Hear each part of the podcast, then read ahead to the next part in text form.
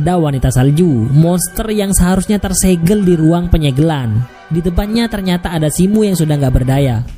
Lalu wanita salju itu menyerang Xing Ming dengan elemen esnya, tapi berhasil ditahan oleh Xing Ming. Dan hal yang sangat menyedihkan adalah saat wanita salju itu melempar Simu ke arahnya hingga membuatnya hancur.